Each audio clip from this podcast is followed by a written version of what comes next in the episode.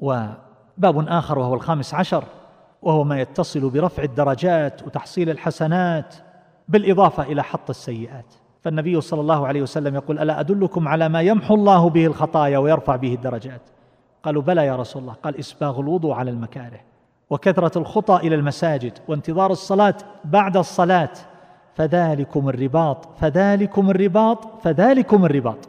ويقول أتاني ربي في أحسن صورة فقال يا محمد أتدري فيما يختصم الملأ الأعلى؟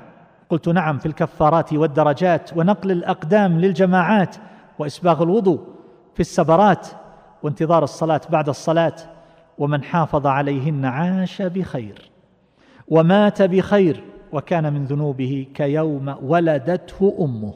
ويقول من راح إلى مسجد الجماعة فخطوة تمحو سيئة وخطوة تكتب له حسنة. انتبهوا ذاهبا وراجعا حتى الرجوع. ذاهبا وراجعا حتى الرجوع يكتب. ويقول ما من عبد يسجد لله سجدة إلا كتب الله له بها حسنة ومحى عنه بها سيئة ورفع له بها درجة فاستكثروا من السجود.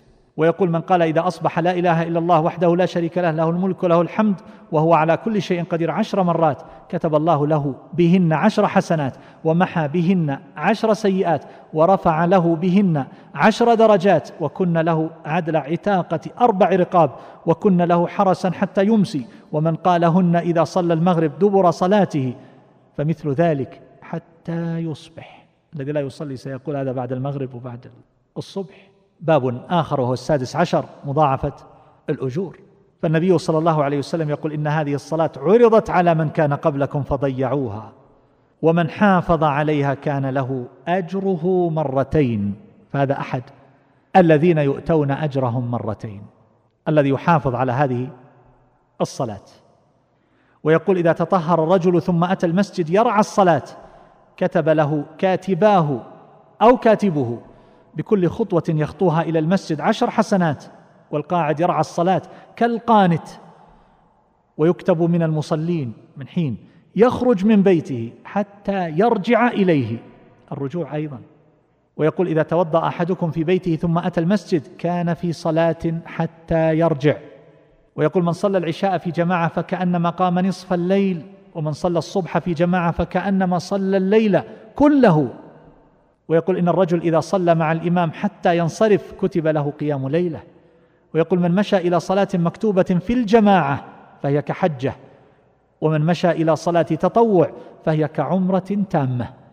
ويقول من خرج من بيته متطهرا إلى صلاة مكتوبة فأجره كأجر الحاج المحرم.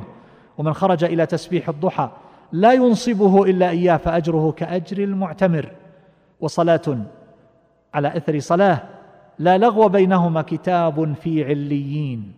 ويقول من اغتسل يوم الجمعة وغسل وبكر وابتكر ودنا واستمع وأنصت كان له بكل خطوة يخطوها أجر سنة صيامها وقيامها. هذا الذي لا يصلي لو قيل له مساهمة تربح فيها عشرة بالمئة فقط فإنه لا يتمالك ولا ينتظر. كيف مثل هذه الأجور؟ يقول النبي صلى الله عليه وسلم صلاة الرجل في جماعة تضعف على صلاته في بيته وفي سوقه خمسا وعشرين ضعفا وذلك أنه إذا توضأ فأحسن الوضوء ثم خرج إلى المسجد لا يخرجه إلا الصلاة لم يخط خطوة إلا رفعت له بها درجة وحط عنه بها خطيئة فإذا صلى لم تزل الملائكة تصلي عليه ما دام في مصلاه ما لم يحدث اللهم صل عليه اللهم ارحمه ولا يزال في صلاة من انتظر الصلاة. ويقول صلاة الرجل في جماعة تزيد على صلاته وحده خمسا وعشرين درجة فإذا صلاها في أرض فلاة فأتم وضوءها وركوعها وسجودها بلغت صلاته خمسين درجة. صلاة في فلاة ويقول صلاة رجلين يؤم أحدهما صاحبه أزكى عند الله من صلاة أربعة تترى. وصلاة أربعة يؤمهم أحدهم أزكى عند الله من صلاة ثمانية تترى.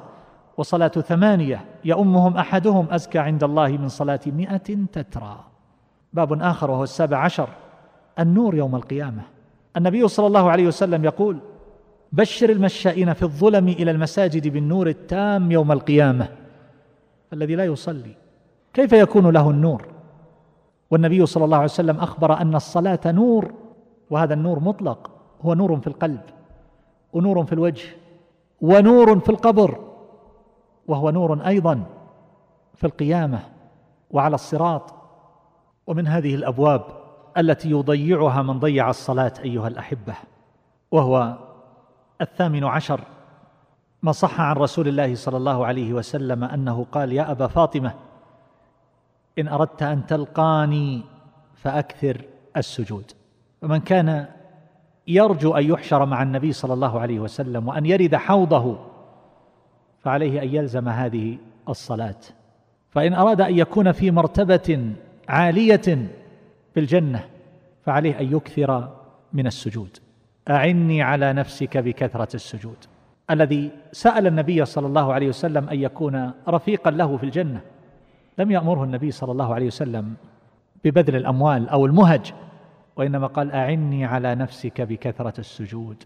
ولا يخفى أن من خان حي على الفلاح خان حي على الكفاح. ومن هذه الأبواب التاسع عشر وهو شفاعة النبي صلى الله عليه وسلم فإنه قال إذا سمعتم المؤذن فقولوا مثل ما يقول ثم صلوا علي فإنه من صلى علي صلاة صلى الله عليه بها عشرا ثم سلوا الله لي الوسيلة فإنها منزلة في الجنة لا تنبغي إلا لعبد من عباد الله وأرجو أن أكون أنا هو. فمن سأل الله لي الوسيلة حلت له الشفاعة الذي لا يصلي. سيردد خلف الأذان ويسأل للنبي صلى الله عليه وسلم الوسيلة.